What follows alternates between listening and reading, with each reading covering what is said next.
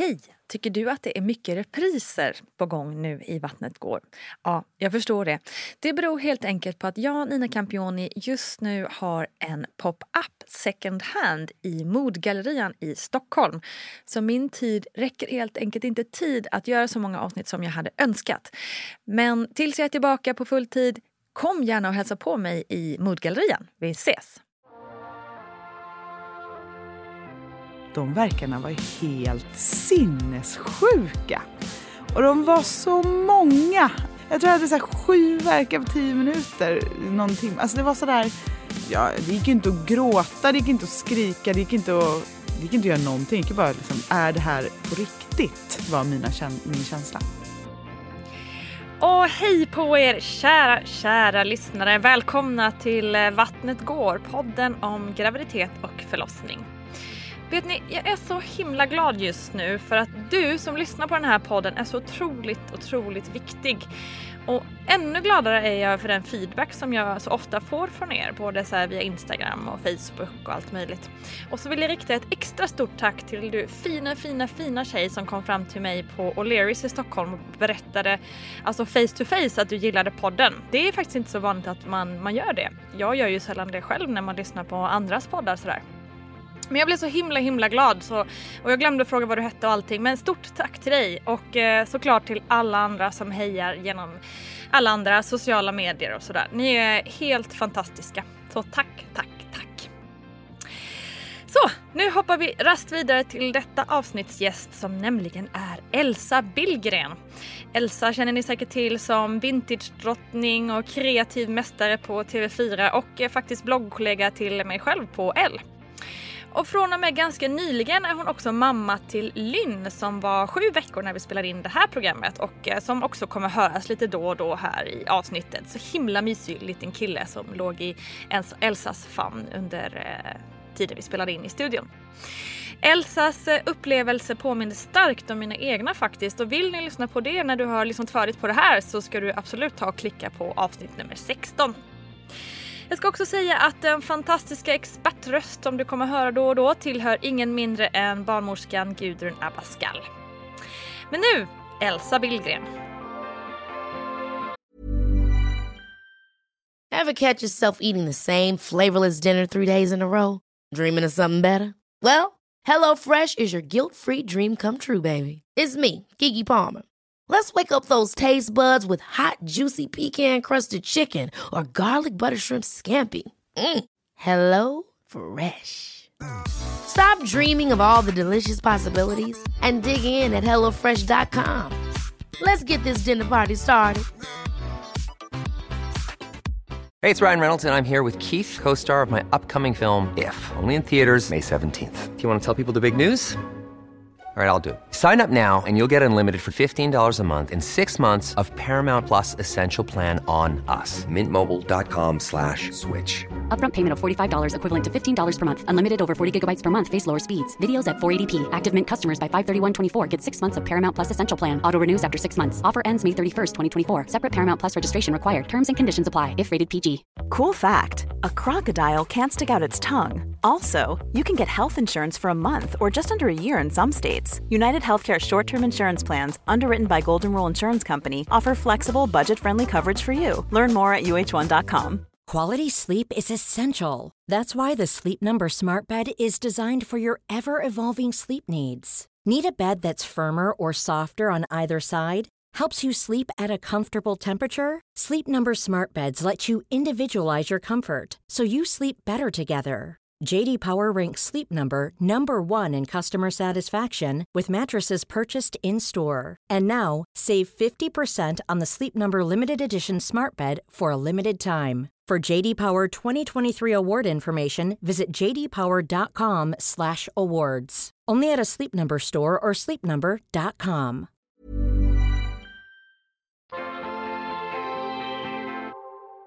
Nu sitter jag här och glimtar på världens sötaste Linn som är sju veckor, Elsa. Hur mm. känns det? Det känns helt fantastiskt faktiskt. Ja. Vi ser så himla harmoniska och härliga ut ihop. Vi är ett bra team. Ja. Vi håller på att lära känna varandra. Ja, det tar ju ändå ett litet tag åtminstone. Ja, han sover ju så mycket så att man får passa på när han är vaken. Exakt. Har du alltid velat ha barn? Jag har nog alltid velat ha barn. Eller jag har alltid velat ha familj. Så ska jag nog säga. Det är ju barn, jag har velat ha liksom ett, ett sammanhang och ett gäng där jag känner mig trygg och där alla har sin plats och man har jargonger och sådär.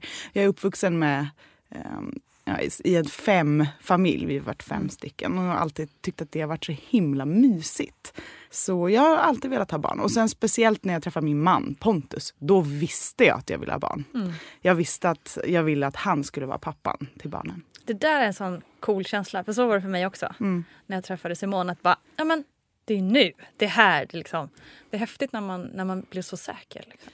Ja, han har alla de där sidorna som jag inte har. Tålmodig och lugn och sånt där som jag i alla fall haft som föreställning kan vara bra om man ska ha barn. Mm. I alla fall att en person i närheten har de egenskaperna. Mm. Har den föreställningen eh, slagit in tycker du? Ja, men jag har nog förvånat mig själv också ganska mycket.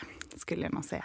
Det är ju på tal om att lära känna varandra så lär man ju känna sig själv ganska mycket också. Ja, och sätt, man, eller sätt jag har kanske hackat ner lite på mig själv har jag ja, blivit ganska stolt över vad jag har klarat av bara på de här sju veckorna. Så mm. är jag nog ganska glad och stolt över mig själv. Härligt. Det ska man vara, tycker jag. Du, eh, hur länge hade du och Pontus varit tillsammans och gifta innan du... Um, vi blev ihop eh, 2009. Mm. Och sen gifte vi oss på vår årsdag 2010, den 8 maj. Så att vi gifte oss snabbt. Mm. Och sen så var vi gifta i fem år innan vi började försöka. Och var det, liksom, var det en stor diskussion kring det eller var det något som kom fram naturligt? Vi ville ha barn redan när vi träffades. Vi ville verkligen ha barn eh, snabbt men tänkte att så här, ah, vi gifter oss istället. Så vi gör den grejen först istället. Eh, fira liksom kärleken mm. på det sättet. Så vi gifte oss direkt och sen så insåg vi att vi hade så himla kul ihop, bara vi två. Eh, vi ville vara fulla på trädgården, mm. vi ville åka på massa resor, vara stört spontana. Um, så då väntade vi lite. Så vi började säga så här, år. Ja men 2013, då blir det. Äh. Och så när 2013 kom, så äh, 2014.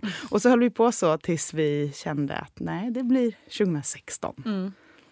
Och sen, alltså gick det, då gick det ganska fort för er när ni väl hade Ja, vi blev, skott, ja men verkligen. Vi blev gravida det första som hände när vi träffades men okay. gjorde en abort. -huh. Så att vi hade nog ett självförtroende inbakat Just i att det i alla fall gick då. Mm. Um, så att eh, vi började försöka i september 2015 och i, ja, det tog uh, två månader så var jag mm. med barn. Det låter lite lagom. Ja, det var en svettig månad. och sen så var, nej, det var oförskämt snabbt ja. faktiskt. Men hur var det att eh, göra en abort då, tyckte du? När ni... Um, det kändes rätt då. Det, vi, det var det första som hände. Vi var sådär dumkära. Bara, vi behöver inget skydd för att vi är så kära bara. Jag vet inte riktigt hur vi tänkte. Eh, men sen insåg vi att vi vill inte vara föräldrar. Vi vill vara ihop mm. eh, bara först. Mm. Så det var inget svårt beslut. Och sen så har vi levt lite på det självförtroendet ett tag tror jag. Att det gick då. Och eh, att det liksom inte skrämde oss så otroligt mycket ens då. Mm. När vi var helt nya med varandra. Ehm, så det, men det har känts självklart. Och, och sen så gick det fort. Så det var faktiskt jätteskönt på alla mm. sätt. Hur kändes det när du förstod att du... Tog du en eh, sån här sticka hemma? Eller? Eh, ja, precis. Eh, vi hade bestämt ett datum som vi skulle liksom, testa. Jag hade fått en liten blödning, men det var sådär pyttelite. Och så gick jag och pratade med mina kompisar och de bara du är supergravid. du är verkligen det. Jag bara, Nej, jag vet inte. Jag vågade inte ropa hej. Mm. Eh, så hade vi ett datum där jag skulle kissa på stickan. Eh, och så gjorde jag det på morgonen och eh, bara sprang in med den till sovrummet och visade upp den och skrek gravid, tror jag. Ja. Så det var lite väntat, men det, det var superhäftigt också. Hoppade ni i sängen sen? Liksom? Upp och ner? Ja, det blev... Eller jag vet inte. Pontus är så himla lugn av sig. Ja. han, sa väl, han ryckte väl på axlarna och sa “jag sa ju det” Just eller det. någonting sånt. Eh, men sen, det som var allra häftigast var ju de här timmarna efter när vi tog en lång promenad genom hela stan och så här, tog en kaffe på en uteservering. Det var höst och så här, röda löv överallt. Och, och det var liksom ingen skillnad för resten av världen men jättestor skillnad för oss. Um, och det var de här de timmarna liksom innan man ens börjar fundera på ska man, ska man säga, hur ska man säga till mamma och mm. såna där saker. Och sen när det slår en, tänk om det inte blir. Och så kommer den första ångesten. Den här, tänk om det inte blir. Ehm, så det är mycket som händer den där första dagen tycker jag. Verkligen. Och just det där tänk om det inte blir eller tänk om något är fel. Det, mm. det bär man ju verkligen med sig ganska starkt. Ja, det var mycket större eh, liksom, rädsla än vad jag trodde mm. faktiskt. Eh, fast för jag hade inga tecken på det men jag var ändå otroligt rädd mm. länge mm. att det skulle bli missfall. För att det kunde ju bli missfall. Så, och jag kan inte göra någonting för att det inte ska bli mm. missfall. Mm. Så det var läskigt. Den, liksom, att släppa på den kontrollen och bara låta kroppen mm. sköta det. Men det är väl också någon slags eh, modersinstinkt som, som kommer direkt liksom säkert. För den, den ångesten tickar ju på lite då och då när man minsta lilla man börjar tänka på att shit, någonting kan hända Essie liksom. Det, det, det är väl den känslan som börjar redan i det lilla, lilla fröet säkert. Ja, jag hade inte riktigt tillåtit mig själv tänka så här känna den kärleken innan det blev. Nej, Men nej. sen så fort jag visste att jag var gravid så, så var det så otroligt rätt. Mm. Det kändes verkligen så här, yes, äntligen, eller liksom vad roligt mm. det här, den här tiden i livet kommer bli. Och lika mycket som jag var glad över det då, eh, lika läskigt var det att tänka på att det kanske blir missfall. Um, och det är ju supervanvanligt. Ja, verkligen. Och man hör ju mer om, mer om det nu idag. Ja, för att vi äntligen pratar ja, men precis, det. Mm. Vi lyfter lite på det locket. Um, och det är jättebra, det tror jag lindrar lite. Men det kommer jag ihåg att jag tyckte var um, läskigare än vad jag trodde innan. Mm. Just de veckorna.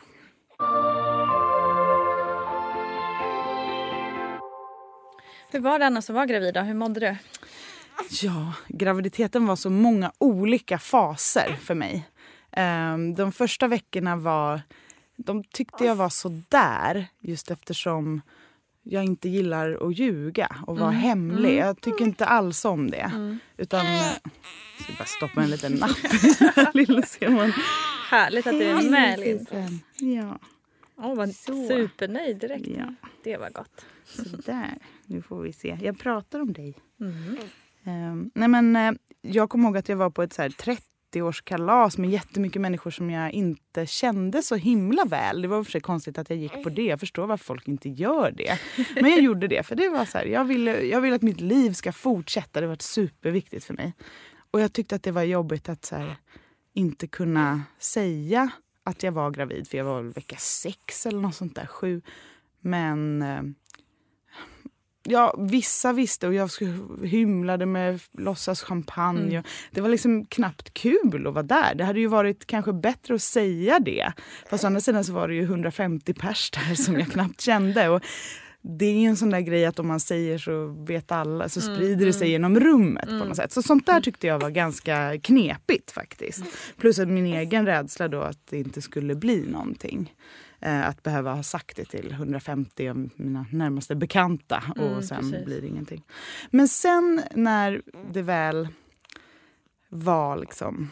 Det kändes tryggt. Det här kommer, fullför, det här kommer bli en graviditet. Det här är liksom... Eh, det känns bra. Då eh, kickade in väldigt snabbt känslan av supergravid och jättenöjd och så här stoltserade med min bula som var ganska stor tidigt. Jag hade en så riktig mage vecka 13 13. Ja. Mina såna där gravid vecka för vecka-bilder börjar liksom med en gravid mage. Ja, för du har lagt upp jättemycket fina bilder på bloggen. Ja, jag försökte dokumentera graviditeten mm. så mycket som möjligt för att jag tycker att det jag kommer säkert, om jag blir gravid igen eller sådär så kommer jag nog inte kanske göra det på samma sätt. Det kan vara kul att ha, tänker jag, också för mig själv. Och så, så var det bara jättehärligt i flera månader, mm. tycker jag. Jag kände mig jättefin bytte absolut inte garderob utan kunde ha mina vintageklänningar, känna mig som mig själv. Så hela liksom mittenhalvan av graviditeten tyckte jag var superhärlig. Mm. Och det var bara kul liksom. Men sen följde de sista veckorna tyckte jag var fruktansvärda, verkligen. Mm. Jag kände mig inte glowing och härlig höggravid utan jag mådde jättedåligt och min kropp började liksom förtvina steg för steg. De sista veckorna av graviditeten var ju ganska jobbiga för mig för att han låg i säte. Mm. Um, och det gjorde något knasigt med tyngdpunkten. Så jag fick ischiasnerven i kläm och blev helt liksom immobiliserad, kunde inte gå. Ehm, jag hade kryckor som var helt onödiga för att jag kunde inte gå. Ehm, så att jag var liksom helt... Ja, det var bara sängliggandes mm. från vecka 33. Liksom. Det var ganska lång tid kvar. Ja, det var lång tid kvar. Det, så det var ganska sorgligt. Att, liksom, jag var ganska ledsen över det. För att jag ville kunna gå omkring. Liksom. Mm. Så jag mm. försökte med bälten och kämpade på.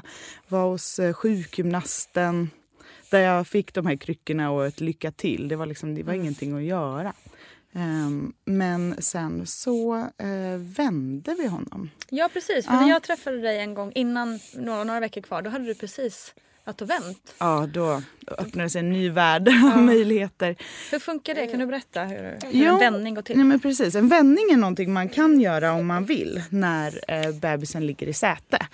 Um, för att liksom, vända på bebisen så att huvudet kommer först. Mm. Så att man kan göra en vaginal förlossning. Man kan ju föda i sätesbjudning också om man vill tror jag. Jag tror man måste gå igenom lite undersökningar och mm. sånt där. Men jag tror man eh, får det. Men jag vill inte det. Eh, så istället för att då få ett planerat kejsarsnitt så kan man göra ett vändningsförsök. Um, och då går man helt enkelt till sjukhuset ett visst datum Eh, och sen så eh, gör de ett noggrant ultraljud för att se till att det finns tillräckligt med fostervatten och hur bebisen ligger helt, liksom så man, så man har stenkoll på allting. Eh, och sen så fick jag eh, oxytocin tror jag det var, på dropp. Eller nej. Gud, nu, oxytocin är det man får. Det är verkstimulerande ja, dropp. Precis. Ja, just. Ja. Nu blandar jag ihop droppen. Det, det har varit mycket dropp för mig. Eh, man får ett, som ett astmamedicin, fast man får det eh, direkt liksom intravenöst, mm. tror jag det heter. Eh, som gör att man får ehm, en, eh, att hela livmodern slappnar av och så får man liksom nästan som en ångestattack det är jätteobehagligt men eftersom man, eller jag kände så här, eftersom jag visste om det innan så kunde jag, kunde jag använda min så här profylaxandning ja. för att klara av, för det går som ett rus genom hela kroppen. Eh, och livmodern slappnar av jättemycket. Och då vänder de helt enkelt på bebisen. Och tar liksom, tag liksom tar tag i rumpan och huvudet. Ja. Och sen steg för steg så liksom gör de som en kullerbytta på bebisen. Och det går in, det brukar vara, jag för mig att det var 50% chans mm. att det lyckas. Eh, och det beror på massa olika saker. Eh, men det lyckades. Hur kändes det då? När de, alltså... Alltså jag tyckte det var en jättehäftig upplevelse. Jag vet att många säger att det här är fruktansvärt och det kan jag verkligen tänka mig att det är så individuellt. Men jag tyckte att det var superhäftigt. För det gjorde inget ont. Men det var liksom en sån där upplevelse som jag tänkte att föda barn skulle vara. Mm. Så här, folk stod, jag minns att det var en läkarstudent som stod bakom och nästan klappade i händerna under tiden för han tyckte det var så himla magiskt. Mm. Och, och hon som eh, gjorde själva vändningen var så här, det går, det går, det går. Alltså, de var mm. väldigt exalterade. Och jag låg där och liksom kämpade med min andning just för att inte tänka på ruset. Liksom. Uh, och sen så låg han med huvudet ner och det hade bara tagit någon minut. Mm. Och helt plötsligt så ändrade sig formen på min mage. Och jag kunde gå. Det är helt otroligt. Det var en sån här Jesus moment. Mm. Jag ställde mig upp och bara, jag är en ny människa. Herregud, det måste ju känts helt... Kände du så här skakiga ja, det var helt fantastiskt. Liksom. Och sen så insåg jag, men varför har ingen sagt något? Att det här med sätesbjudning kan göra att man eh, får så ont. Mm. För det hade jag knappt läst någonstans och då hade jag läst ganska mycket. Och det var inget man sa på NBC heller? Liksom, Nej, eller? ingenting. Jag hade inte hört ett ord konstigt. om det faktiskt. Och det är väl säkert för att det inte alltid är så. Men för mig var det verkligen så. Mm.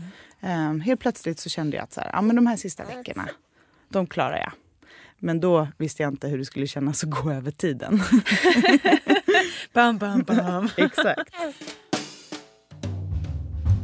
Varför vill man undvika att eh, föda i säte? Ja, därför att man anser väl att det är större risker när barnet kommer med stjärten först. Så. Och det beror ju på att eh, när själva förlossningen, öppningsskedet och så, det är ju ingen skillnad, alltså inte några problem. Utan det är ju precis när barnet ska födas. Och eh, det är ju så att eftersom barnets huvud kommer sist så har det inte format om sig. Och därför så kan det fastna och då har ju navelsträngen redan kommit ut och den kommer i kläm och barnet får ingen syre och så sitter barnet fast. Så om vi gör det riktigt dramatiskt så blir det jätte, jätteläskigt då naturligtvis. Därför har man väl då tittat på olika studier och säger att men nu när vi är så duktiga på att göra kejsarsnitt så anser man väl då att risken är mindre vid ett kejsarsnitt. Men det är inte riskfritt där heller. Eh, jag skulle bara lägga till så här att, att det kom en studie som tror jag skrämde alla, både barnmorskor och läkare som sa att det var jättefarligt. Och den gjordes i Kanada och det var stort material och eh, sen har det visat sig att det är nog inte så farligt om man använder, eh, vi inom professionen använder hjärnan och tänker efter vilka faktorer är viktiga. Och då vet vi så här att det viktigaste är att det finns gott om plats i bäckenet. Så att därför så gör man ju en, röntgar man ju bäckenet och är det bra mått och barnet inte är stort så säger man nog idag att, att det går bra, framförallt om man är omföderska. Men det här varierar ju från klinik till klinik jättemycket beroende på att vi också inom både barnmorskor och läkare har tappat kunskapen om att handlägga sätesförlossningar, de här kliniska momenten när man ska, barnet ska ut. Så, så eftersom vi inte har gjort det så blir det ju svårt sen att i verkligheten utöva det hela. Men, så att det här diskuteras jätte, jättemycket. Men tycker jag är man omföderska, har bra bäckenmått och bra verkar så är min erfarenhet att det går väldigt bra. Som kvinna föreställer man ju sig att det liksom är värst för en själv på något vis för att det känns så stort med, med rumpan och så men egentligen är det då barnet som eh, har största risken? Ja, alltså för kvinnan är det ju ingen risk att föda.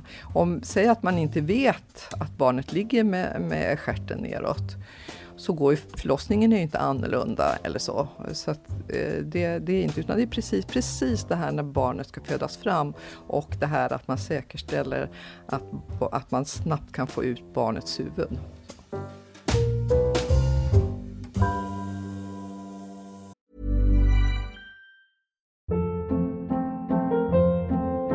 Hold up. What was that? Boring. No flavor. That was as bad as those leftovers you ate all week. Kiki Palmer here, and it's time to say hello to something fresh and guilt-free. Hello Fresh. Jazz up dinner with pecan-crusted chicken or garlic butter shrimp scampi. Now that's music to my mouth. Hello Fresh. Let's get this dinner party started. Discover all the delicious possibilities at hellofresh.com.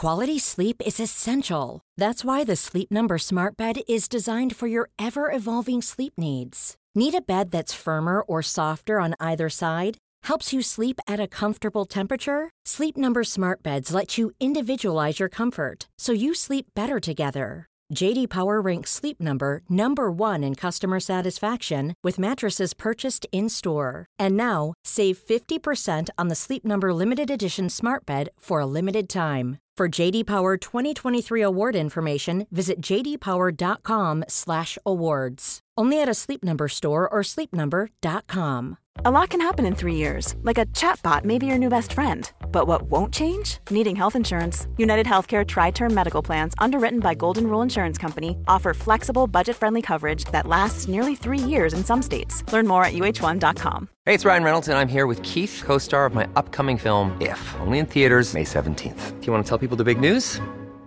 All right, I'll do it. Sign up now and you'll get unlimited for $15 a month in six months of Paramount Plus Essential Plan on us. Mintmobile.com slash switch. Upfront payment of $45 equivalent to $15 per month. Unlimited over 40 gigabytes per month. Face lower speeds. Videos at 480p. Active Mint customers by 531.24 get six months of Paramount Plus Essential Plan. Auto renews after six months. Offer ends May 31st, 2024. Separate Paramount Plus registration required. Terms and conditions apply if rated PG. I'm Sandra, and I'm just the professional your small business was looking for. But you didn't hire me because you didn't use LinkedIn jobs. LinkedIn has professionals you can't find anywhere else, including those who aren't actively looking for a new job but might be open to the perfect role, like me. In a given month, over 70% of LinkedIn users don't visit other leading job sites. So if you're not looking on LinkedIn, you'll miss out on great candidates like Sandra. Start hiring professionals like a professional. Post your free job on linkedin.com slash achieve today. Ja men då närmar vi oss eh, due date liksom sådär. Hur hade du förberett dig rent mentalt och sådär för förlossning? Mentalt, det är så svårt att säga. Men jag hade förberett mig mycket. Mm. Jag hade gått gravidyoga tre vändor, tre kurser Oj. på rad. Ja, wow. Jag kände mig som ett riktigt proffs. Eh, jag hade läst allt, sett allt. Um, Även, alltså, längtat sett igenom även förlossningar? Ja, så det. många. Jag har säkert sett 500 förlossningar. Är det sant? Jag, ja. jag vågar inte det. Va? Jag, ty- jag knarkade de där Oneborn alla okay. säsonger, Midwives. Ja. Det, fan, det, finns ganska mycket där ute ja. på Youtube. Ja, jag har försökt undvika. Ja, nej, men jag var inte alls rädd nej, för det. Jag, kunde liksom, jag grät när varje barn kom ut. Och, och jag kunde också då se vad jag, som skulle vara mitt skräckscenario och vad som var mitt drömscenario. Liksom såg olika tekniker, såg det utifrån. Ehm, men själva mentaliseringen tycker jag var svår för att jag, var, jag blev förvånad sen när det mm. väl hände. Ehm, det var ju någonting annat liksom än det där titta utifrån på någon som föder. Att föda var verkligen någonting annat. Eh, men jag försökte så gott jag kunde och jag såg inte mig själv som rädd Nej. alls. Utan taggad. Och ju närmare jag kom desto mer taggad var jag. Nu vill jag att det ska sätta igång. Mm. Eh, och jag ville att det skulle liksom komma igång av sig självt gärna. Eh, det var ju därför jag hade gjort den här vändningen och inte tog det planerade kejsarsnittet och så. Utan jag ville att det skulle komma igång. Jag ville känna hur verkar kändes. Mm. Liksom hur min kropp kan göra att ett barn kommer ut. Jag tyckte det var... Jag ville uppleva det. Det var mm. en del av liksom det häftiga. Så att jag var inte rädd, utan jag var ganska taggad. Mm. Och sen gick du över? Sen gick jag över. Jag var på min kompis baby shower på min due date. jag var, det var taskigt jag om jag, och jag satt där och var så här, tänk om det, om det kommer igång, om vattnet går här nu på din due date. Så taskigt. Det hände ju absolut ingenting. Nej. Uh, nej, due date var som vilken annan dag som helst. Och sen så började de här ja, riktigt hemska dagarna faktiskt. Och det hade jag också hört och förstått och läst. Mm. Att gå över tiden är ofta väldigt jobbigt för många. Ehm, de längsta dagarna i ens liv och så vidare. Men jag kunde inte föreställa mig hur ledsen jag skulle bli under de mm. dagarna faktiskt. Jag blev mer och mer deprimerad. Okay men jag kunde vakna halv fyra på morgonen och gå upp i, liksom, till vardagsrummet, vanka av och äta en liten yoghurt, typ, titta på tv och var verkligen så här deppig och riktigt låg. Och jag kommer ihåg att mina kompisar var lite oroliga för mig på slutet faktiskt för att de märkte en stor liksom, sinnesförändring hos mig. Mm. Eh, och det var jag inte alls förberedd på skulle hända. Utan jag tyckte att den där klyschan, hur, hur kan en dag kännas längre än en, än en annan? Man har ju gått i tio, nio månader, det kan ju inte vara så stor skillnad men det var sån extrem skillnad. Mm. Eh, och det var nog mest för att jag insåg att ju närmare att jag kommer närmare och närmare en igångsättning och liksom mm. inte en, en, ett förlopp som är spontant. Eh, och jag ville så gärna ha en spontan förlossning. Mm. Eh, ja, för att jag hade någon föreställning om att det skulle vara snällare och bättre verkar, tror jag. Mm. Eh, min mamma har blivit igångsatt alla tre gånger. Hon har aldrig sagt ett ord om sina förlossningar till mig, utan ger mig bara en blick. Um, nej men jag ville verkligen att det skulle komma igång av sig självt. Och jag kände att ju närmare jag kommer liksom igångsättning desto mer kommer vården föda åt mig på något sätt istället för att jag föder. Um, så jag gjorde en hinsvepning mm. när jag var 12 dagar över tiden. Okej, okay. 12 dagar. Um, ja. Hur funkar det då? Det funkar så att man eh, ber om en hinsvepning tror jag. Jag vet inte hur det jag bad helt enkelt min barnmorska om att så här, finns det något man kan göra. Liksom? Mm. Och då sa hon ja, men du kan göra en hinsvepning. Och då gjorde jag det hos en läkare på liksom själva sjukhuset, inte hos min barnmorska. Och eh, hade ett samtal samtidigt eftersom jag kände mig så nedstämd. Så jag, mm. vi, gjorde liksom, vi pratade om det och sen gjorde hon en hinsvepning. Eh, och jag minns att det var dagen före midsommar. Och då sa hon, för att hon sa att det här kan göra väldigt ont. Men det gjorde inte alls ont. Så jag var så här, kör hårt, dra ut det här barnet liksom, nu. eh, och det de gör är helt enkelt en gynekologisk undersökning där man sveper hinnorna som ligger runt bebisen genom att föra in två fingrar genom modermunnen, Mm. tror jag. Alltså att man liksom retar hinnorna där inne, att det ska sätta igång. Kittlar Man liksom. kittlar Mm. helt enkelt hinnorna. Så det är vad det låter, en hinnsvepning. Och det hör man ju kan ju göra lite ont. Men det, jag tyckte inte alls att det gjorde ont. Så att hon, hon bara, får jag köra på? Jag bara, "Ja, go nuts. Mm. Och sen direkt efter hon hade gjort den, då sa hon, du kommer få en midsommarbebis. Så som jag misshandlade din livmodertapp. Eh, jag bara, gud vad bra. Så här. Ja. Ehm, och sen på natten efter midsommar klockan 02 så började verkarna. Mm. Det är ju så häftigt att ändå, då gjorde det ju nytta. Ja, det tror jag verkligen. Ja.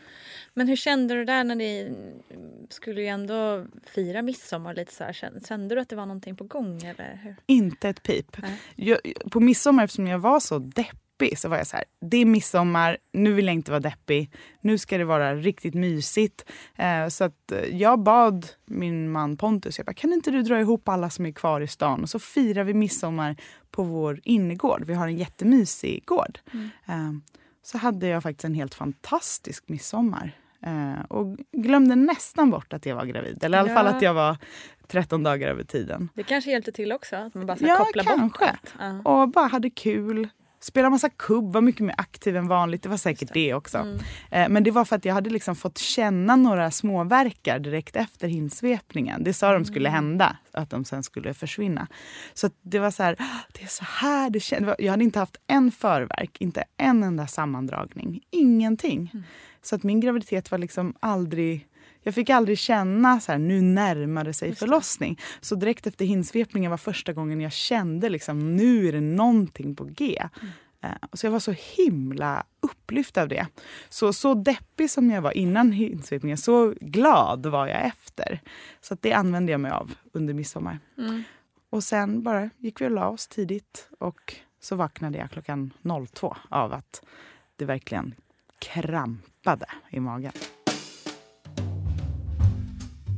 Finns det en koppling rent fysiskt till att man blir deppad när man är gravid och går över tiden och sådär? Eller är det mer föreställningar man har? Sådär? Alltså när du säger deprimerad, då får jag lite eh, eh, rött i ansiktet. För att för mig, det är, är man deprimerad så är det en diagnos. Och jag upplever inte att, att det alls är vanligt att kvinnor är därför deprimerade i slutet av graviditeten när man går över tiden.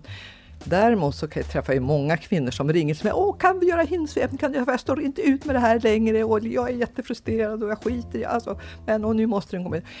Och det ser väl jag inte att kvinnor är deprimerade man uttrycker sig på det viset. Så. Men och att fokuset, ju, ju närmare datumet som man ska föda man kommer, desto mera fokus blir det ju på att föda barnet och barnet och allting runt omkring och resten av världen stängs av. Och det är klart att, att så därför så blir man säkert annorlunda i sinnet tror jag.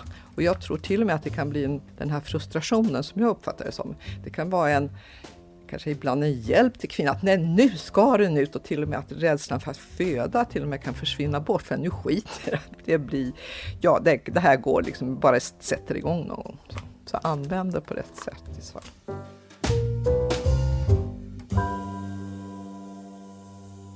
Jag läste på din blogg också, du har ju skrivit lite om din berättelse där, att det liksom, ja nästan pang. Liksom. Ja, pang bom. Ja. Jag vaknade och så var det tre verkar på tio minuter. Det, det känns ju helt, det har jag aldrig hört innan. Nej, jag, men nu det har man ändå lyssnat inte. på några stories. Liksom. Ja, men exakt. Men varje förlossning är ju unik säger ja, de. ja visst, absolut. Eh, nej, jag hade ingen aning. Jag bara jag kämpade på med mina verkar där. Mm. Så jag gick upp och började ta verkarna på de sätten jag hade liksom förberett mig att jag skulle.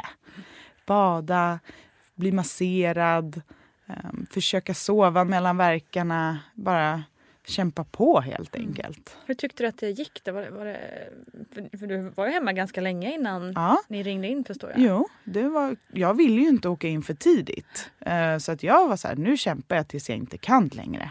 Eh, och mitt vatten hade ju inte gått och sånt där. Och man ska ha två av tre tecken Mm. på att det är igång för att ringa. Så här, man ska vara öppen någon centimeter, man ska ha verkar, tre verkar på tio minuter och, eller att vattnet ska gått. Så jag eh, fortsatte med mina verkar för att se att de blev, ehm, att det var liksom så många Mm. under flera timmar så att jag hade starka belägg för att få åka in när jag Mm. väl ringde. Ehm, och det, det gjorde ju jätteont såklart men det var ju hanterbart där Mm. i början tycker jag.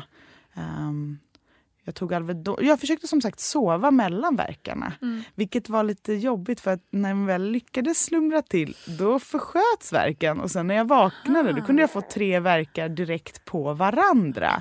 Så att jag fick liksom sota för min nap. så det var lite Får där konstiga grejer. Ja, verkligen. Sen så försökte jag äta lite och dagen efter ehm, vid två tror jag det var. Mm. Efter tolv timmar blir det väl då. Så ringde jag in Mm. första gången. Och då sa de att det var... Då sa de att det var fullt. Mm. Jag ville föda på SÖS, och för jag bor bara någon minut från SÖS. Jag ville verkligen föda på förståeligt. Det var söndag, dagen efter midsommar. Det var fullt. så att, eh, det var ju deppigt, men jag var ganska förberedd på det.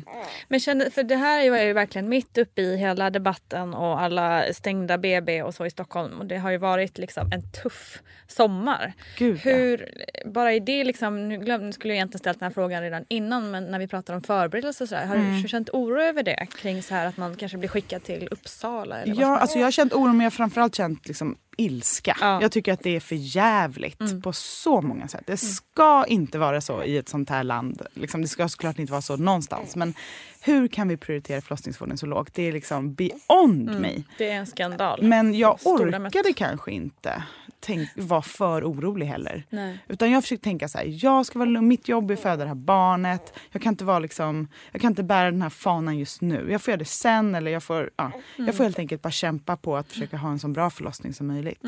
Ehm, så att mitt trick var att jag ville ringa in när jag ändå kände att jag skulle klara mig några timmar till. Mm. Eh, för att de skulle få liksom lite koll på att jag var på G. Mm. Eh, och sen verkligen frusta mig igenom verkarna under samtalet. Ehm, och Hur kändes det när de sa att det inte fanns plats nu? Jag, jag får mig att jag började gråta. Ja, jag tror jag faktiskt också det. jag grät nog ganska mycket då. Ehm, nej, men jag tror jag började gråta och sa att jag verkligen, verkligen, verkligen vill föda på SÖS. och Att jag Mm. inte vill åka någon annanstans. Och att jag bara, snälla, snälla, kan jag få föda hos er? Eh, och då sa hon, ja om du ringer tillbaka om några timmar så kanske, för bara, då är det något skiftbyte. Då kanske några har gått till BB-hotellet så kan vi fått något rum ledigt. Ehm, och då sa jag, ja men jag klarar det. Och sen så, Några timmar är ändå ganska lång tid kan jag tycka. För det kan Mm. hända väldigt mycket på så. gud ja. Nej, men jag kämpade på i fem timmar till. Det är helt otroligt. Ja, och sen ringde jag in vid sju. Och då ehm, så gjorde de en sån här... Jag vet inte om det... Det känns som att barnmorskor och folk på förlossningen har lite så hemliga knep för sig som de inte berättar för mamma. Eller jag vet inte. Men hon säger jag ska bara kolla en sak. Eh, liksom, häng kvar. Och sen så var det liksom tyst i ganska länge. Jag tänker, det är nu jag ska liksom kvida var, varannan minut. Jag bara, tänk om de liksom vill lyssna på hur Ja, det, låter Ja. när jag tar mina om det liksom, hur Ja. ont det gör och såna här saker. Ehm, för att se om jag klarar mig. Jag vet inte. Men jag, jag frustade på där och sen så sa de att jag fick komma in eh, kvart i åtta. Och då blev jag superglad. Det förstår jag. Ja, och nästan då började verkan avta, bara av vetskapen att jag fick komma in. Ja. Och sen kom du in och du, sa, du skrev väl det att, att de verkligen avtog lite? Ja, taxiresan in kände jag direkt så här, åh nej, nu är de svagare. Det måste väl varit att det var första gången på liksom 15 timmar som jag faktiskt slappnade av lite. Eh, Det är så lätt när man går där på sin tredje kurs gravid yoga. Jag, bara, jag kommer vara så avslappnad. Men jag hade nog axlarna uppe vid öronen hela tiden tror jag. Det är lättare sagt, sagt än gjort att slappna av. Absolut. Och framförallt för att det är ju en, då som förstagångsföderska en smärta som man bara Va? Va Vad är det här liksom? Det spelar Mm. Ja. ingen roll hur mycket man har tänkt och övat. Ja, och speciellt om man ska tänka på så här, hur ska min strategi vara när jag ringer in till sjukhuset för att få komma in. Ehm, Och att man ska behöva tänka så. Åh, ja, och sen när jag då väl fick ja du får komma in då liksom, Mm. kunde jag slappna av lite. Eh, men jag hade fortfarande tre verkar på tio minuter när jag kom in. Så att jag var fortfarande liksom igång. igång liksom. Mm. Och vad hände då när du kom in? Jag kom in och fick det minsta lilla rummet på SÖS, rum nummer tre. Som min kompis födde i bara några veckor innan mig. Och som Det är ju häftigt. Ja, och eh, sen så gjorde de en undersökning ganska snabbt och då var jag öppen 3 centimeter. Mm. Så då hade jag så öppnat mig 3 centimeter på 18 timmar. eller Ja, hur någonting. kändes det? Det var lite blandade känslor. Jag hade nog gått över scenariot så här, vara öppen en centimeter och verkligen få åka hem. Mm. Men också så här, tänk om jag är öppen sju eller någonting Precis. drömmigt. Ja. Så tre centimeter låg ju däremellan. Det var liksom hårfint. Jag fick stanna kvar men det hade inte hänt så mycket. Ehm, så jag fick ju förbereda mig på en lång natt helt enkelt. Och då hade du redan haft en lång natt innan. Ja, en lång dag och en Eller, ja. lång kväll. Ja, precis. Den var öppen tre centimeter och sen så, var det, så började det med lustgasen och liksom kämpade på. Jag fick ju stanna kvar som sagt. Mm. Och det första jag gjorde var att kräkas över hela golvet. Blåbärssoppa och jordgubbar så långt ögat kan nå. Ja. Men då kände jag ändå så här, det här är, det här är ju förlossning. Ja, liksom. precis, Nu kör vi, det är nu, nu sätter det igång. Eh, när jag hade fått in knycken med lustgasen och tog mina verkar och liksom, det var bara jag och Pontus inne på det där lilla rummet. Det började skymma. Det var liksom... Det kändes som så här, ja, nu, okej, jag är inte uppe så mycket men nu är vi ändå här. Nu kan de inte kasta ut oss. Då var det skiftbyte Okej. efter några timmar. Och då undersökte hon mig igen. Och då hade det inte hänt någonting överhuvudtaget. Och då blev jag knäckt. För då kände jag så här, alla de här verkarna. Tänk om jag varit öppen tre centimeter sen typ efter hinsvepningen. Det har inte hänt någonting. Ehm, så då blev jag lite deppig. Och då sa de så här, nu, vi har en plan för dig. Vi ska eh, ge dig, ja, vi ska, vad heter det, spräcka dina hinnor. Och, så att vattnet går. Eh, och eh, du, ska få, du kan få en ep- epidural och så sätter vi dig på oxytocindropp. Så att det var liksom, det var verkligen så här, nu tar vi in storarteriet för att det ska hända någonting. Det här går för långsamt. Men hur kändes det att liksom att någon tog tag i det så att säga? Jag tyckte det var ganska skönt att de hade en plan för mig. Eh, även om jag insåg att det här är ju en igångsättning. liksom. Det här är ju... Det du inte Det ville här, liksom. Jag ville ju ha mina verkar men de var inte starka nog. Vilket jag inte kunde förstå för att de gjorde jävligt ont. Ja. men de gjorde inte jobbet tydligen. Så att nu behövde de liksom... Ja, jag tyckte det var ganska skönt. Men sen så kan man ju känna så här... Ja, jag vet inte. Är det, är det så det ska vara? Duger inte. Liksom. Duger Mm. inte mina verkar. Jag ville verkligen. Men, men sen så... Jag sa ju inte nej, utan jag sa gör vad som helst så att det händer någonting. Jo, jag vill precis. ha ut honom. Jag vill inte vara här i en vecka. Liksom. Eh, nu vill jag att det ska hända något. Men eh, det gick ju inte att förbereda sig på hur det där droppet skulle kännas. Alltså, de verkarna var helt sinnessjuka. Ja, jag och de ju var så så det, ja. många. Alltså det var så må- Jag tror jag hade så sju verkar på tio minuter. Någon timme. Alltså det var sådär... Nej, det var helt... Ja, Så beyond stenhårda liksom. ja, det gick ju inte att gråta, det gick inte att skrika, det gick inte att... ja, Det gick inte att göra någonting. Det gick bara liksom, är det här på riktigt? Var mina, kän- min känsla. Mm. Så jag fick en eh, epidural och det var ju väldigt eh, skönt. ja, det var lägligt. Då fick jag i alla fall en nap. Då Ja. kunde jag sova lite. Mm. Pontus också. Och sen, eh, sen var det bara att sätta igång och kämpa med de här verkarna. På bollen, på ståbord, i sängen. Bara liksom kämpa på. För du kände ändå dem ganska mycket trots att du hade en epidural. Ja, alltså Ja. den där epiduralen. Jag vet inte. Det den gjorde var, det känns som att den gav mig en nap och sen var det på det igen. Ehm, och, men jag vet inte hur det skulle känts utan den heller. Nej men så att den var ju, epiduralen var ju jätteskön. Jag behövde ju sova för att orka. Men jag vet inte om jag kände att det var någon smärtlindring egentligen. Eller så bara ökade de droppet så otroligt. Så att det, Jag bara minns det som en enda röra av ont de där timmarna. Verkligen. Ehm, och alla mina liksom, profylaxandningsteknik, allt det där var bara out the window. Det var bara att försöka stå ut. Stå ut och tänka på att snart är det över. Och jag kunde inte kissa så de fick tömma mig på Jag kände mig väldigt mycket som ett vårdpaket. Eh, som liksom inte kunde göra någonting. Eh, och till slut hade jag så ont att jag inte kunde röra mig utan jag bara låg där i gynställning med benen upp. ehm, och hade ont. Liksom. Så att alla de där videosarna på liksom, sätt man kan ta smärtan och andas i. Allt det där var bara borta på något sätt. Utan det var bara liksom, huvudet måste ner genom kanalen. Det var det som var grejen. Och jag hade så ont så jag kunde knappt röra mig. Fanns det någon tid för känslor där eller var det bara så överleva? Liksom? Det var överleva. Eh, sen så satte de en pudendusblockad, alltså en bäckenbotten, när jag väl när det började närma sig. Mm. Men den satte snett.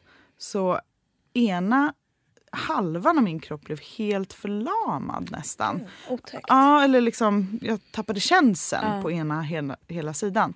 Vilket, det var ju jätteskönt. Ja, det är klart. Men det gjorde att andra halvan av kroppen kändes som så mycket mer smärt, Ja, smärtpåverkad. ja, det blev liksom, jag hade något att referera till så att Mm, säga. mm. Och det var det som gjorde så ont. Så då kunde jag absolut inte röra på mig. Så när jag sen väl började få krystvärkar och sånt så kunde jag liksom inte vara på sidan. Eller, Nej, alltså jag kunde det. inte testa mig fram utan jag var tvungen att ligga där i den här gynställningen hela tiden. Mm. Och den har man så lite kraft i.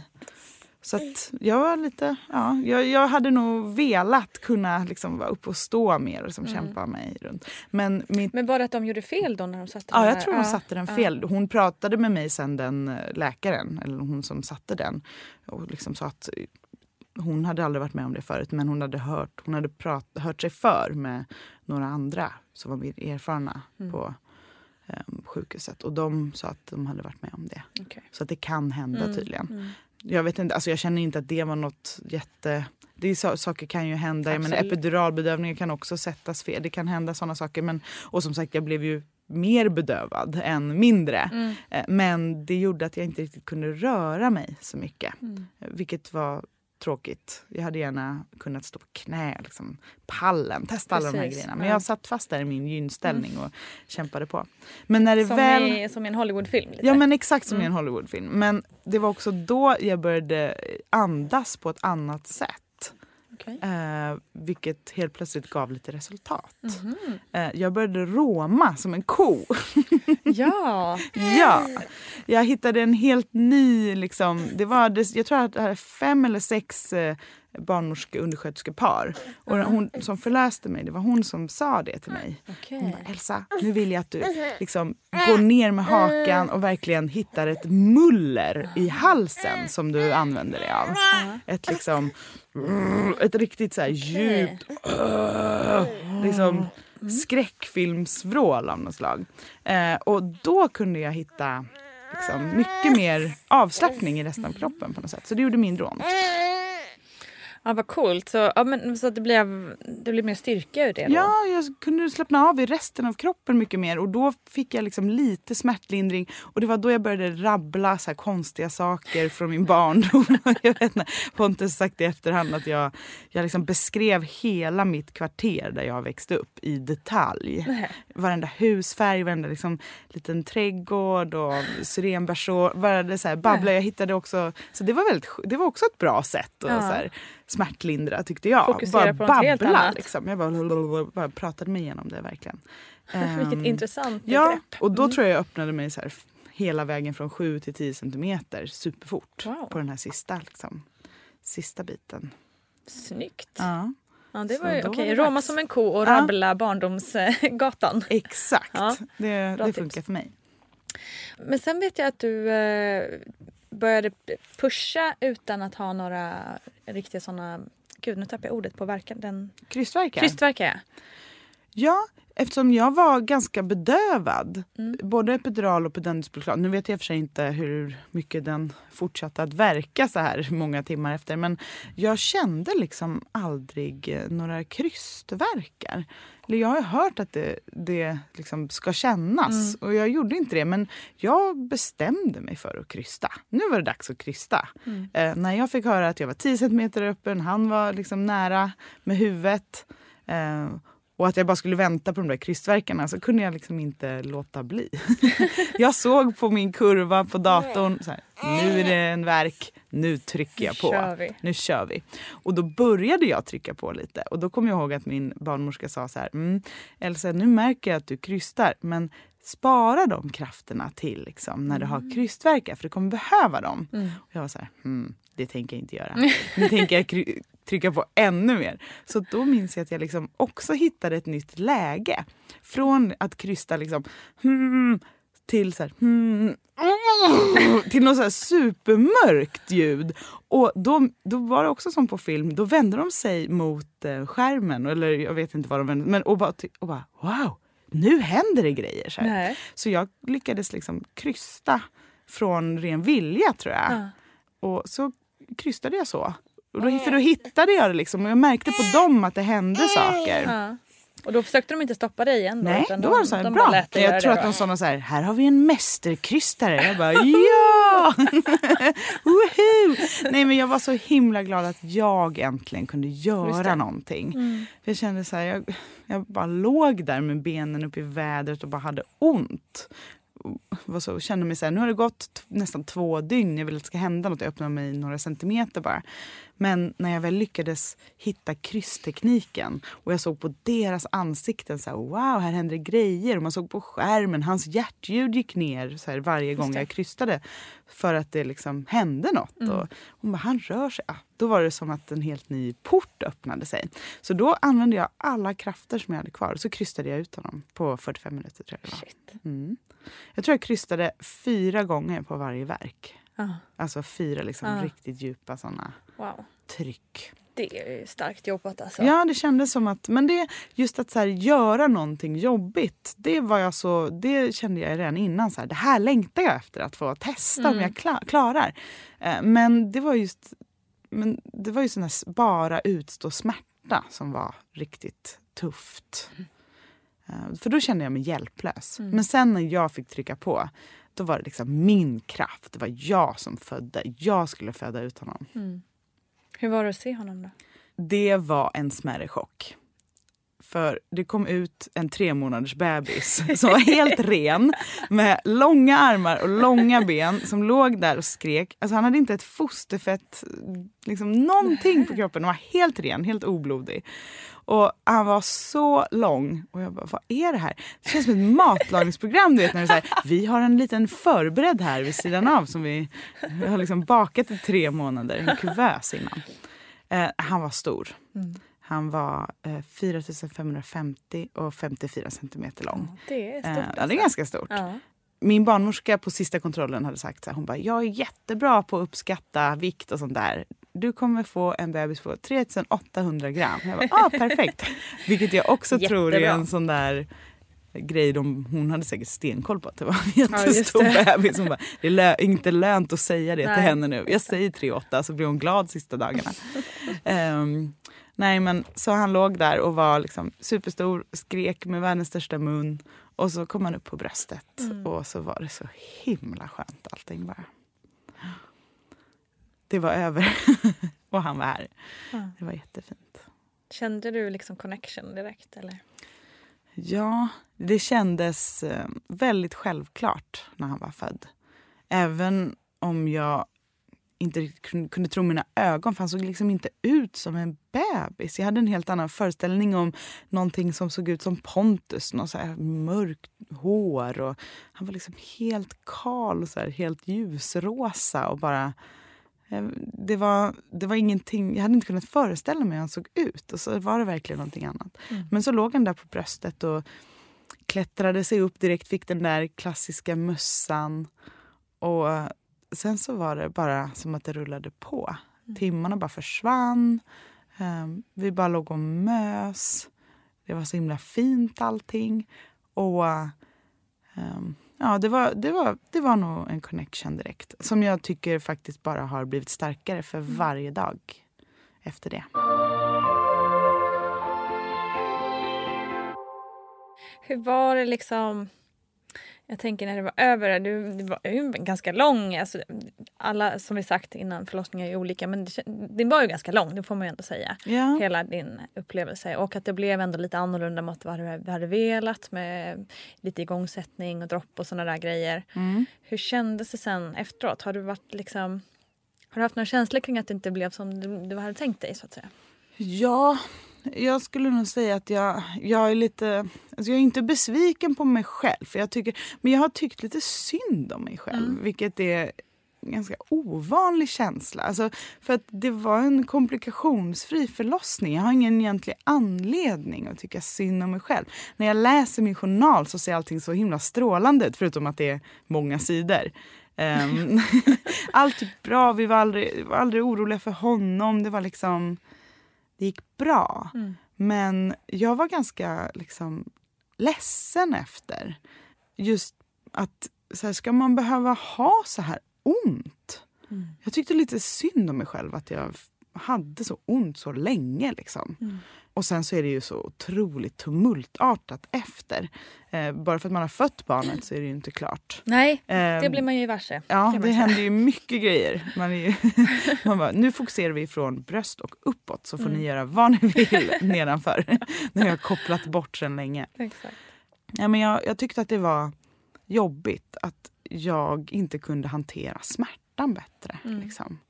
Ehm, och funderade väldigt snabbt på så här, hur ska man göra om man vill ha ett till barn. Jag kommer inte kunna göra det här igen. Liksom. Jag måste liksom börja prata med någon ganska snabbt för att liksom kunna hantera. Är det så här det ska vara? Liksom? Ehm, och var ganska ledsen över det. Men jag känner också ju, ju mer och mer tiden går desto mer och mer inser jag hur häftigt det är att kroppen och sinnet läker sig själva så himla bra. Eh, Att man glömmer, det är verkligen sant. Men jag kunde inte riktigt förstå innan att det skulle göra så ont i så många timmar. Och jag tror att det är någonting som andra kanske döljer lite. Eller, eller, för det kan inte vara så att det, det är bara jag som upplever den Nej. smärtan. Men det, det är ingenting man säger till någon som är gravid tror jag. Nej, det gör man ju inte så gärna klart. Nej. Man vill ju inte skrämma någon. Sen Nej. samtidigt är det ju en sån där smärta som är helt omöjlig att, att förklara för någon Ja. annan. För jag har upplevt exakt, jag känner igen mig jättemycket i din berättelse, Ja. verkligen. Eh, och var otroligt chockad ganska länge efter Mm. förlossningen också. Mm. Och också ledsen. Mm. Precis sådär som du säger, varför var det ingen som sa något ungefär? Men Mm. hur liksom, jag kan inte själv knappt beskriva för någon annan hur Nej. smärtan var liksom. Men att den var chockerande. Ja, alltså du vet man har ju hört jag har hört många beskrivningar men det som jag nu i efterhand tycker så här, stämmer in ganska bra. Men det, när jag hörde dem innan, det går ändå inte att ta in. Nej, vet, jag har hört så här, också, en, en kniv i livmodern som Ja. roterar runt. Man bara, mm, säkert. Ja men exakt. Eh, eller så här, alla ben i kroppen går sönder på samma gång. Man bara, nu är det överdrivet igen. Man bara, nej, nej, tyvärr. Ja. tyvärr. Men man gör det för man vill ha sitt barn. Liksom. Ja. Man vill ha sitt barn.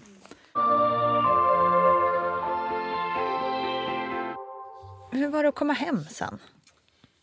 Jag tyckte att det var skönt att komma hem eftersom jag hade varit på medicinskt BB i tre dagar på grund av högt blodtryck. Okej. Eh, vilket är, eller på gränsen till högt blodtryck, vilket är en väldigt luddig diagnos. verkligen. Det kom bara in så här, sköterskor mitt i natten och tog blodtryck och såg lite bekymrade ut och gick ut igen. Och. Aha, vad Och, ja, och jag tyckte det var jobbigt för att det var så mycket fokus på mig och inte på honom. Det var så svårt att hitta ro. Liksom. Jag ville han mår ju bra, nu vill jag åka hem Mm. liksom, och lära känna honom och så här, fokusera på det, inte mitt blodtryck. Eh, Som också var något som jag inte riktigt förstod. Du förklarar inte varför Nej, men alltså, blodtrycket är ju världens knepigaste grej. Det är så himla svårt att förstå sig på. Ehm, så att det var väldigt skönt när vi väl kom hem. Det kändes som att han blev mer rofylld också. Alla blev, vi blev det alla tre. Ehm, men den där barnvagnspromenaden som jag hade sett fram emot från SÖS hem till oss som är liksom en fem minuters promenad. Äh, det var så läskigt tyckte jag. Ja. Bara så här, jag bara, varför är det stora liksom lastbilsdagen idag tydligen? Det är lastbilar överallt och alla pratar jättehögt. Det var otroligt läskigt. Jag var helt skakig. Och jag hade ju säkert högt blodtryck fortfarande och var helt blek. Ja. Och så här, åh, det känns som att jag varit med om en bilkrock. Eh, och så låg han där i vagnen och man bara, ska jag ta hand om honom nu? Ja. Ja, så det var läskigt. Men väl hemma var det väldigt tryggt och skönt. Komma in i sin lilla, Mm. sin lilla borg så att säga. Men eh, förlåt, jag måste bara återkoppla en gång till Mm. med det hö- höga blodtrycket. Även, Men de, alltså, de förklarar inte vad det var de var oroliga för apropå det höga. Nej, alltså har man högt blodtryck så kan ju det vara ett tecken på havandeskapsförgiftning. Aha, Men okej. det hade jag inte. Nej. Alltså, så det är så här luddigt. De vill, bara, de vill inte släppa hem någon med högt blodtryck om det är så att det skenar iväg mer. Eh, för att blodtrycket är liksom någonting man kan mäta för att se andra saker då antar jag. Mm. Eh, så de ville ha mitt blodtryck under kontroll och se till att det stabiliserades. Och sen nu väl hemma, vad, vad tycker du nu så här sju veckor in i ditt nya liv så att säga? Vad har varit eh, Mm. den största utmaningen och eh, den största belöningen får vi säga? Utmaningen är...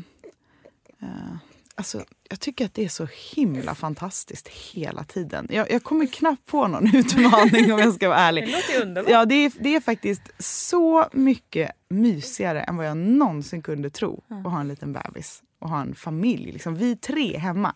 Så himla mysigt. Och vi får så... Jag, alltså så här, utmaningen är väl att inse att det inte alltid är så här. Det brukar man ju säga kanske är en skön grej att tänka. Men jag försöker tänka att så här, det, det kommer inte alltid vara så här sköna nätter. Det kommer inte, utan försöka göra mig förberedd på, på livet som kommer och att det är för evigt. Det låter ju helt magiskt ändå. Ja, jag är det är det- bara att tacka och bocka för en Ja. sån start. Ja. Utmaningen är väl att kunna göra en podcast. ja,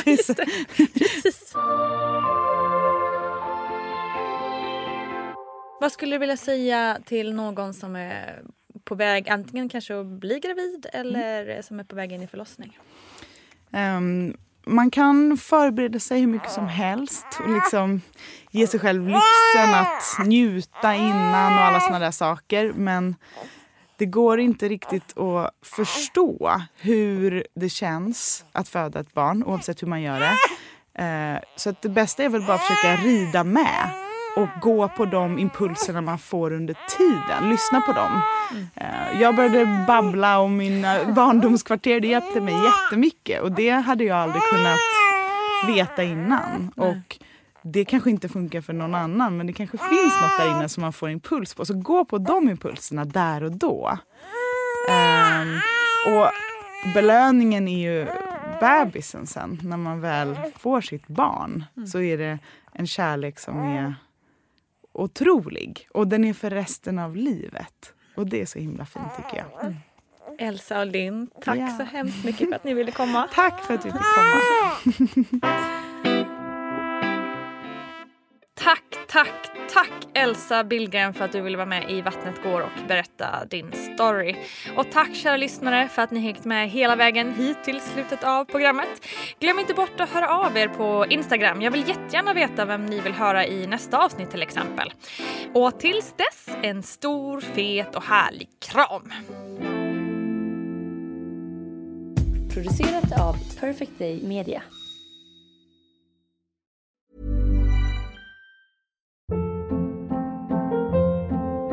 Hold up. What was that? Boring. No flavor. That was as bad as those leftovers you ate all week. Kiki Palmer here, and it's time to say hello to something fresh and guilt-free. Hello Fresh. Jazz up dinner with pecan-crusted chicken or garlic butter shrimp scampi. Now that's music to my mouth. Hello Fresh. Let's get this dinner party started. Discover all the delicious possibilities at hellofresh.com. Hi, I'm Daniel, founder of Pretty Litter. Did you know cats tend to hide symptoms of sickness and pain? I learned this the hard way after losing my cat, Gingy. So I created Pretty Litter, a health monitoring litter that helps detect early signs of illness by changing colors, saving you money and potentially your cat's life. Pretty Litter is veterinarian developed, and it's the easiest way to keep tabs on your fur baby's health right at home. Go to prettylitter.com and use code ACAST for 20% off your first order and a free cat toy. Terms and conditions apply. See site for details. Imagine the softest sheets you've ever felt. Now imagine them getting even softer over time. That's what you'll feel with Bowl and Branch's organic cotton sheets. In a recent customer survey, 96% replied that Bowl and Branch sheets get softer with every wash. Start getting your best night's sleep in these sheets that get softer and softer for years to come. Try their sheets with a 30-night guarantee. Plus, get 15% off your first order at bowlandbranch.com. Code BUTTERY. Exclusions apply. See site for details. Hey, it's Paige DeSorbo from Giggly Squad. High quality fashion without the price tag. Say hello to Quince. I'm snagging high-end essentials like cozy cashmere sweaters, sleek leather jackets, fine jewelry, and so much more. With Quince being 50 to 80% less than similar brands. And they partner with factories that prioritize safe, ethical, and responsible manufacturing. I love that. Luxury quality within reach. Go to quince.com slash style to get free shipping and 365 day returns on your next order. Quince.com slash style.